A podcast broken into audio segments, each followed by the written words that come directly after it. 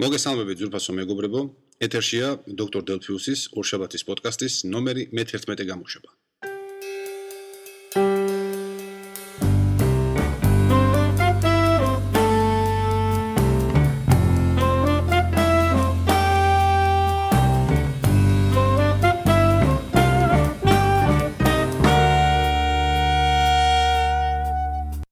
მაშასე. როგორც ხედავთ, უბრალოდ როგორც გესმით, ორი კვირა ჩემი გადაცემა არ გასულა ეთერში, ასე ვთქვათ.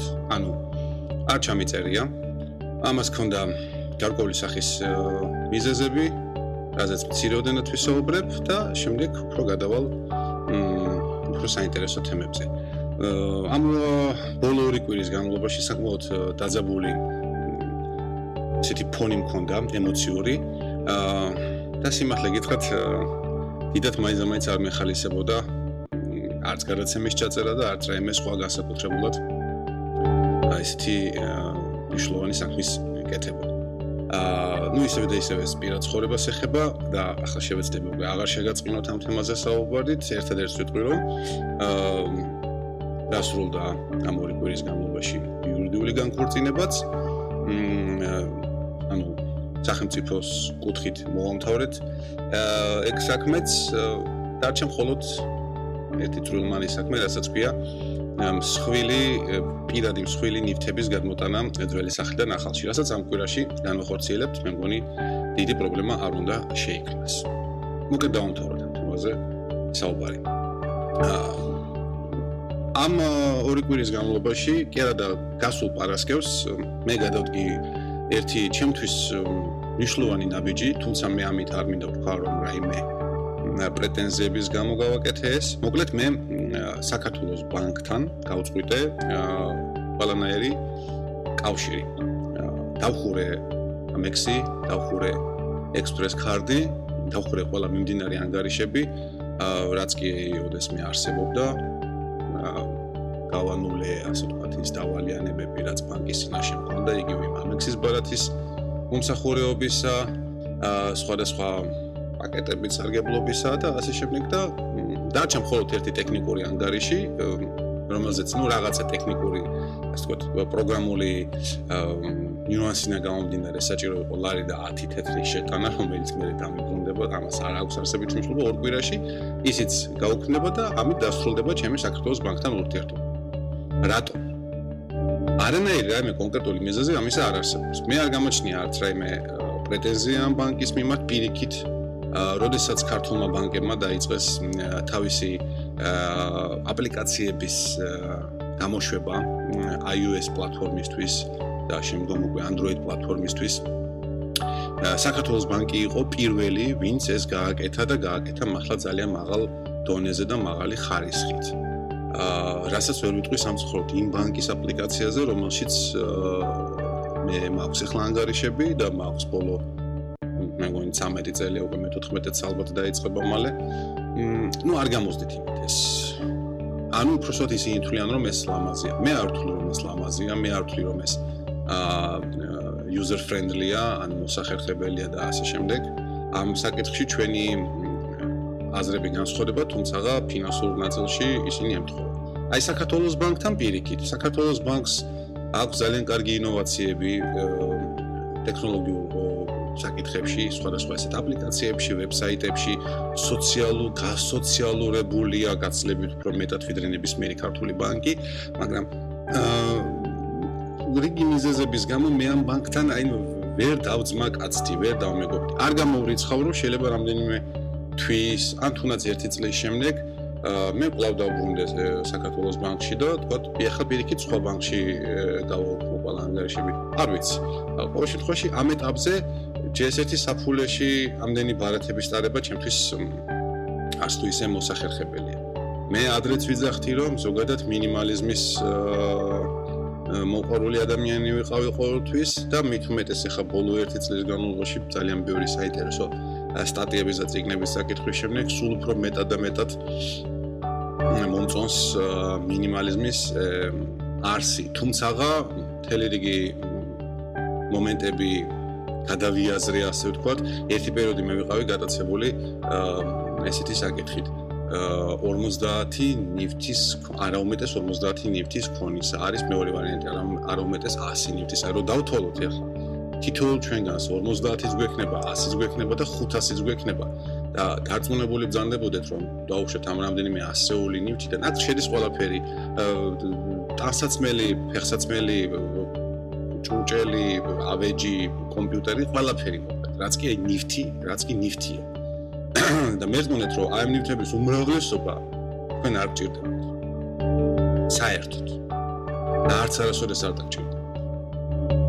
არც მაშინ არ ჭირდებოდათ, როდესაც თქვენ მას ღირებულებთ. მაგრამ ნუ დაგვაუწყდება რომ ჩვენ ცხოვრობთ ეპოქაში, როდესაც არა საინჟინრო აზრია თავარი არამედ თავარია მარკეტინგი სამწუხაროდ და ჩვენ ცხოვრობთ იმ ეპოქაში, როდესაც აა კონსუმერიზმი აყვანილია რელიგიის დონემდე ყველი ქვეყნებში და სამწუხაროდ ჩვენთანაც ეს ფეხს იკიდებს სულ უფრო და უფრო მეტად და აბსოლუტურად არ არის გასაკვირი რომ ადამიანებს უყვართ უსარგებლო არასაჭირო ნივთების შეძენა. აა შეხოთშეს კლავაცაა ჩატარებული რომ თვითონ ნიფტის შეძენა კი არ არის ისეთი მნიშვნელოვანი და სანუკვარი და სანატრე არამედ აი იმაზე ფიქრი რომ ჩვენ ეს ნიფტი მომავალში გვექნება. ესმით, ანუ ფიქრობთ, აი ეს აი მაგალითად ახლა აი ალბათ ძალიან ბევრ თქვენგანს უნდა რომ კონდეს კარგი smartphone. არა, მნიშვნელობა თქვა iOS-ი იქნება თუ Android-ი. უნდა რომ კონდეს კარგი ტაბლეტი. ну, ამ შემთხვევაში რა თქმა უნდა, iPad-ი მოისაზრება, სხვა ტაბლეტები არ არსებობს ხარისხიან. ამას Android-ის მოყოლებიც აღიარებენ. აა თქვენი ძალიან გინდათ. თქვენ აგროვებთ ფულს, ან არ გაქვთ ამის საშუალება და მაშინ მით უმეტეს უფრო ეს სურვილი უფრო ძლიერია, მაგრამ თუ თქვა გაქვთ საშუალება ფული შეგვიმს აგროვებთ, აგროვებთ და აი დადგა ის მომენტი, როდესაც თქვენ ის უნდა შეიძინოთ. ამას ყიდულობთ მოგაქვთ სახში, თვალებანთებული, გახარებული გული გიძგერთ. მოკლედ ძალიან კმაყოფილი და ბედნიერი ხართ, რომ ეს სამოკვარი ნივთი შეიძინოთ. გადის სამი დღე, მერე ერთი კვირა, მერე ერთი თვე. ეს მაქსიმუმს მოგვიყვება. და ეს ნივთი იმდენად ჩოლებრივი და საყოველთაო საყოველთაო დღიურო მოხმარების ხდება, რომ ვერც ამჩნევთ, აი როგორც მაგალითად წინდა. ან საკმაოდ უკვე ფეხზე კარგად მომჯდარი ფეხსაცმელი. ანუ მე ამით იმის თქმა მინდა რომ აა მე გადავაფასე ასე ვთქვათ ის ღირებულებები რომლებიც ადრე მქონდა და აი აი ეს მინდა ის მინდა აი ამასაც ვიქონიებდი და როდესაც ეს გადავაფასე, სიმართლე გითხრათ, ძალიან უცნაური განცდა გიგრძენი საკუთარ თავში. მივხვდი რომ ჯერ ესეთი რამდენ ფულს წრიდი აბსოლუტურად უაზროდ, აბსოლუტურად უაზრო ნივთებში. აა რომ ნივთებში, რომლებიც არა თუ ერთი თვის შემდეგ, შეიძლება მეორე დღესვე გამختارიყო აბსოლუტურად არასაჭირო მოსაწყენი და მომაგრესებელი. ბოლო 6 თვის განმავლობაში მე დაახლოებით 80-მდე ასეთი ნივთი უარყავი ანუ ძალიან აუწონდა უწონე თქვა ამა თუ იმ ნივთის შეძენის სურვილის სიძლიერე. ერთი. მე ამ ნივთის პრაქტიკულობა. მეორე. და მოკლედ ყველაფერი ეს მესამე კიდე ჯამურად აწონელ შეწონელი და აღარაწონელი. და მივხვდი რომ აი რამდენიმე ათეული ნივთის შეძენით მე დამოკიდებოდა n თანხა სამაგიეროდ არ მომემატებოდა არც ის ბედნიერება რომელიც ამ ნივთის შეძენას მოყვება არც პრაქტიკულ ყოველდღიურ ცხოვრებაში მე ის არ შემიქმნიდა კომფორტს ან არ შექმნიდა სილამაზეს და ასე შემდეგ და ასე შემდეგ. ამიტომაც სრულად შვიდად მე ეს ნივთები უარყავ. ეხლა არის მინიმალური ჩამონათვალი აა ნივთების რომლებიც უნდა შევიძინო უახლოესი ამ წლის განმავლობაში წლის ბოლომდე. თუმცა აი ამ ყველაფრიდან ყოველთვის როგორც წესი ყოველდღე წესიდან არსებობს გამონაკლისი და ყოველგვარი მიდან არსებობს შეცდომა აი გასულ კვირას მაგალითად ავყევი ემოციას და ასდაკლებით შევიძინე ორი ცალი ძველი თამაში. ძველს როცა ვიძახით, გულისხმობთ და ახლობით აა 15-ოდე წლის წინანდელს. ერთი არის Meier's Alpha Centauri და მეორე SimCity 2000. მე ეს ორივე თამაში ამ 15-ოდე წლის. ნუ როცა ისინი ახალი გამოსული ძალიან მიყვარდა, ძალიან ბევრს თამაშობდი, ღამეებიც გამითენია. გამითენებია ამ ორი თამაშის გასვლისას, ამ თამაში გასვლისას. განსაკუთრებით გამიხარდა რომ პირველი გამოვიდა Mac ვერსია, ну რა თქმა უნდა ხა ეს არ იქნებოდა სრულფასოვანი Mac ვერსია, არამედ ეს იყო უბრალოდ პორტი, ეს იყო ემულაციის დონეზე, ანუ Wine-ში მოთავსებული, რომელიც Mac-თან ახლოს ხარ და Linux-თან იცით Wine რაც არის, ეს არის პროგრამა, რომლის საშუალებითაც შესაძლებელია Windows აპლიკაციების გაშვება Mac-ში ან Linux-ზე. ანუ ორივე მოთავსებული იყო Wine-ში. აა და მეორე ის რომ თითოეული მათგანის ღირებულება იყო 3 დოლარი. ანუ ჯამში გამოვიდა სადღაც 10 ლარი. შევიძინე, დავაყენე თითოეული მათგანი დაახლოებით თვითონ ვითამაშე 10-15 წუთი და მივხვდი რომ მე მათ აღაროსებს აღარ ვითამაშე. აა სადღაც დაიკარგა აი ეს ის ელემენტი, ის მაგია, რომელიც იმ 15 წლის წინათ აი ამ თამაშის თამაშების თამაშისას, უბრალოდ ამ ტაუტოლოგიისთვის აა შეიგზნობოდა და რაც გაძლევდა იმის სურვილს, რომ ეთამაში იმდენი უცებ რომ მე გამოიხედავდი ფანჯისკენ და დაინახავდი რომ დილა და დაგათენდა თავს. აა ათილარი რა თქმა უნდა არ დამნანებია, არ არის ახლა ისეთი თანხა რომლის გამოც ადამიანმა შეიძლება იტიროს. უბრალოდ დამენანა რომ აა აი ეს გზნობა გაქრა, რომელიც ამ თამაშების მიმართ მქონდა ამ 10-ზე მეტი წლის წინათ. თუმცა არის თამაში საბედნიეროდ, რომელიც მე არასოდეს აღზრდება. ეს არის 1998 წელს გამოსული Quake 2 და მე შემდგომ მისი ყველა გაგრძელება დაახლოებით 4-5 ედონი მაქვს. ну გრაფიკა რა თქმა უნდა ვერანაირ კრიტიკას ვერ უძლებს თანამედროვე სტანდარტებით მაგრამ ის ატმოსფერო რომელიც ამ თამაშშია აა ის განცდები რომლებიც მე ამ თამაშმა დამიტოვა მთელი აი ამ 15 წლის განმავლობაში დღესაც დიდი სიამონებით მოყვება. მისი ყიდვა არ მჭირდება, იმიტომ რომ მის დისკები მაქვს და ნებისმიერ დროს შემიძლია მე ისინი გავუშვა აა და ვითამაშო. და მეორე თამაში ასეთი არის, ეს არის Half-Life-ი, მისი ყველა ვერსია. აა ну განსაკუთრებით მე ვარ. კარგი. ამას დავანებოთ თავი, ანუ ხო ხედავთ როგორ გადმოვიდეთ კონსუმერიზმიდან უცებ კონკრეტული თამაშების აა განხილვაზე. მეორე თემა რომელზეც მინდა გესაუბროთ ეს არის ჩემი საკუთარი კაბინეტის მოწყობა. იცით რომ გადმოვედი ჩემს ძველ სახლში, ძირითად სახლში, ნაზარეთის რაიონში, მეტრო ნაზარეთთან. ბინა არ არის მაინც და მაინც დიდი, მაგრამ ყოველ შემთხვევაში სრულიად საკმარისია იმისთვის, რომ მე თავი კომფორტულად ვიქცე. დაგვიდით, ამას აქვს ძალიან დიდი მნიშვნელობა. აა ცხოვრობ ეგრეთ წოდებულ ზალაში, ანუ მისაღები ოთახი, living room, საცხოვრებელი ოთახი, რასაც ქვია. აა და გადავწყვეტე ამავე ოთახში, ანუ მთელი ეს ოთახი ვაქციო ჩემს ჩემს სამფლობელოდ. აა ოთახი საკმაოდ დიდია, თუმცა სამწუხაროდ როგორც ნებისმიერი საბჭოთა ბინა, რომელიც ეგრეთ წოდებული ქალაქური დაპროექტების არის, მაინ მასაც არ აქვს მაღალი ჭერი. ნუ ეს რა თქმა უნდა მე მეკნის გარკვეულ სახის დისკომფორტს ჭაღებს ყოველთვის უნდა გვერდია უარო და ქვეშ ვერ გავივილი შანსი არ არსებობს. აა მაგრამ სამგოთ ოთახი საკმაოდ დიდია. არ დგას შუაში ეგეთ მაგიდები და რაღაცები, სივრცე კარგია, რომ იტყვენ ცხენი გაჭირდება.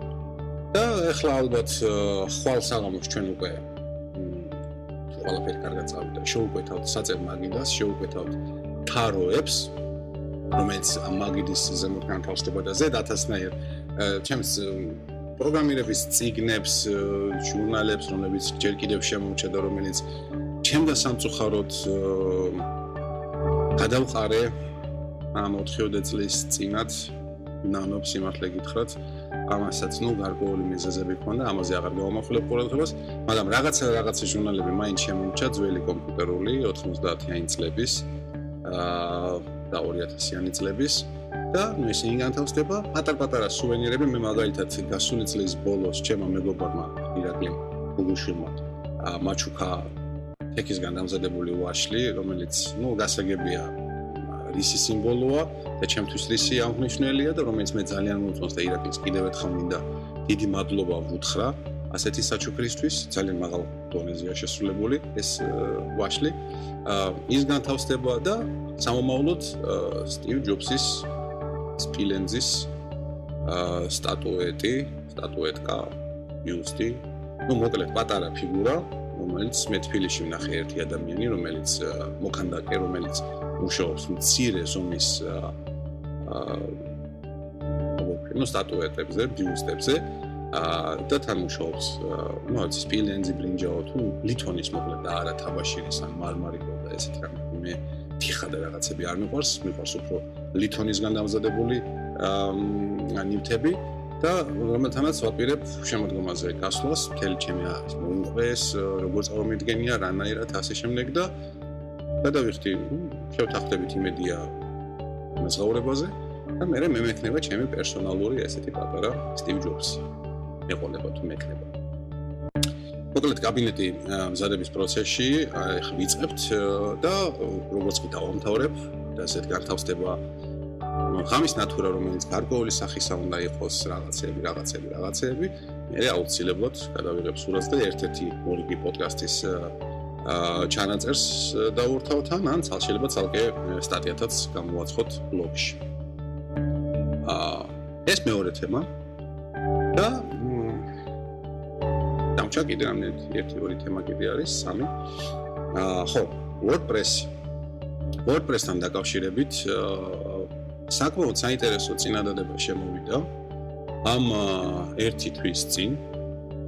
აა მოკლედ WordPress-ის გარკვეული უშუალოდ თვითონ WordPress-ი არა, WordPress-ი არის არა მარტო თვითონ WordPress-ი, არამედ მისი უამრავი პლაგინი, რომელსაც ქართულად ჩატმა ქვია, დამატებები, რაღაცები, რაღაც თემები და მილიონი რაღაც.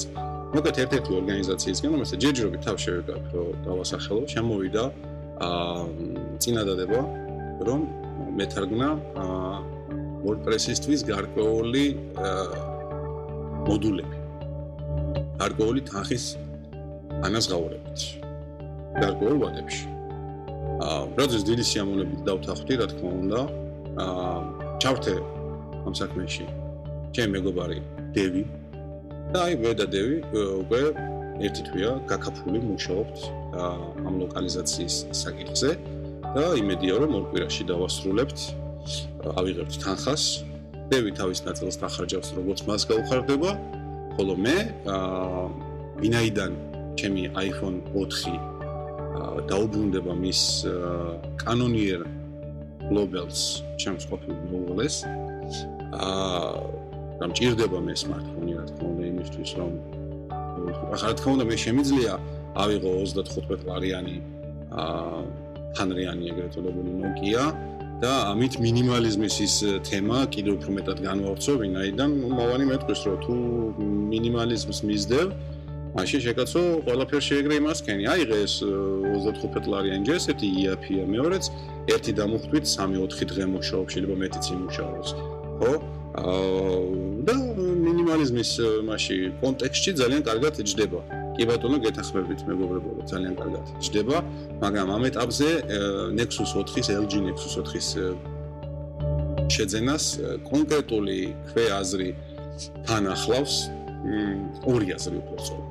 პირველი და მნიშვნელოვანი, ყველაზე მნიშვნელოვანი ის რომ შემოდგომაზე Ubuntu უშვებს თავის Ubuntu Touch-ს, ანუ თავისი საოპერაციო სისტემის მობილურ ვერსიას, რომელიც უნდა გაეშვას smartphone-ებზე და და ჩემი აზრით საკმაოდ საინტერესო თუ თუ ის კომერციულ წარმატებას ვერ მიაღწევს ყოველ შემთხვევაში საინტერესო ექსპერიმენტი იქნება და მე მინდა ამ ექსპერიმენტში მონაწილეობის მიღება, ვინაიდან თქვენ ზარეთ ხომ თქოს რომ Ubuntu მე და ზოგადად Linux-ი ზოგადად ძალიან მომწონს, მაგრამ აა Mac-მა ჩემი გრძნობები თავისკენ გადაკაჩა და ამიტომაც მე პირველ რიგში რა თქმა უნდა Mac-ის უდიდესი ფანატი და მოყვარული რჩები და აი მეორე ადგილზე მე უკვე რჩება დგება თქვა Linux, Ubuntu და ასე შემდეგ. ხო, ამიტომაც ესეთი ექსპერიმენტები ჩატარება ყოველთვის სურვილი მქონდა რომ ესეთი Ubuntu-სთან კიდევ უფრო ახლოს მივსულიყავი, მეორეც ვინაიდან კანონიკალმა კომპანიამ რომელიც Ubuntu-ს ქმნის ეს ინფორმაცია მოგვაწოდა გაზაფხულზე რომ აკეთებს თავის მობილურ ვერსიას, რა თქმა უნდა, ძალიან მომინდა რომ ის მე გავმომეცა და ჯერჯერობით ახლა არის ბეტა ვერსიები, რომ საკმაოდ არასტაბილური, საკმაოდ ისეთი, მაგრამ ყოველ შემთხვევაში Nexus ტიპის ტელეფონებზე და ტაბლეტებზე მისი დაყენება შესაძლებელია ზედმეტი წვალების გარეშე. რა თქმა უნდა, სხვა Android ტელეფონებზე შესაძლებელი იქნება დროთა განმავლობაში, მაგრამ Nexus-ები პირველი. ეს არის პირველი მიზეზი, რატომაც მინდა Nexus 4 შეძენა.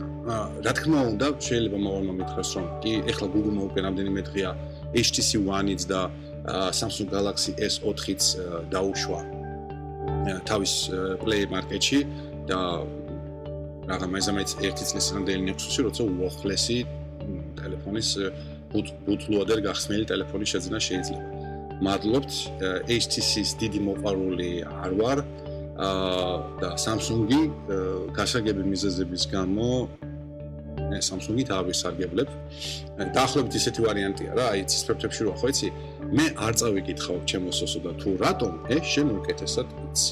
აი დაახლოებით აი ეს კონტექსტი შეგვიძლია ეს ლეიტმოტივად შეგვიძლია გავატაროთ ცისფერფების აი ეს დიალოგი სოსოსა და ბატონ შუქრის შორის.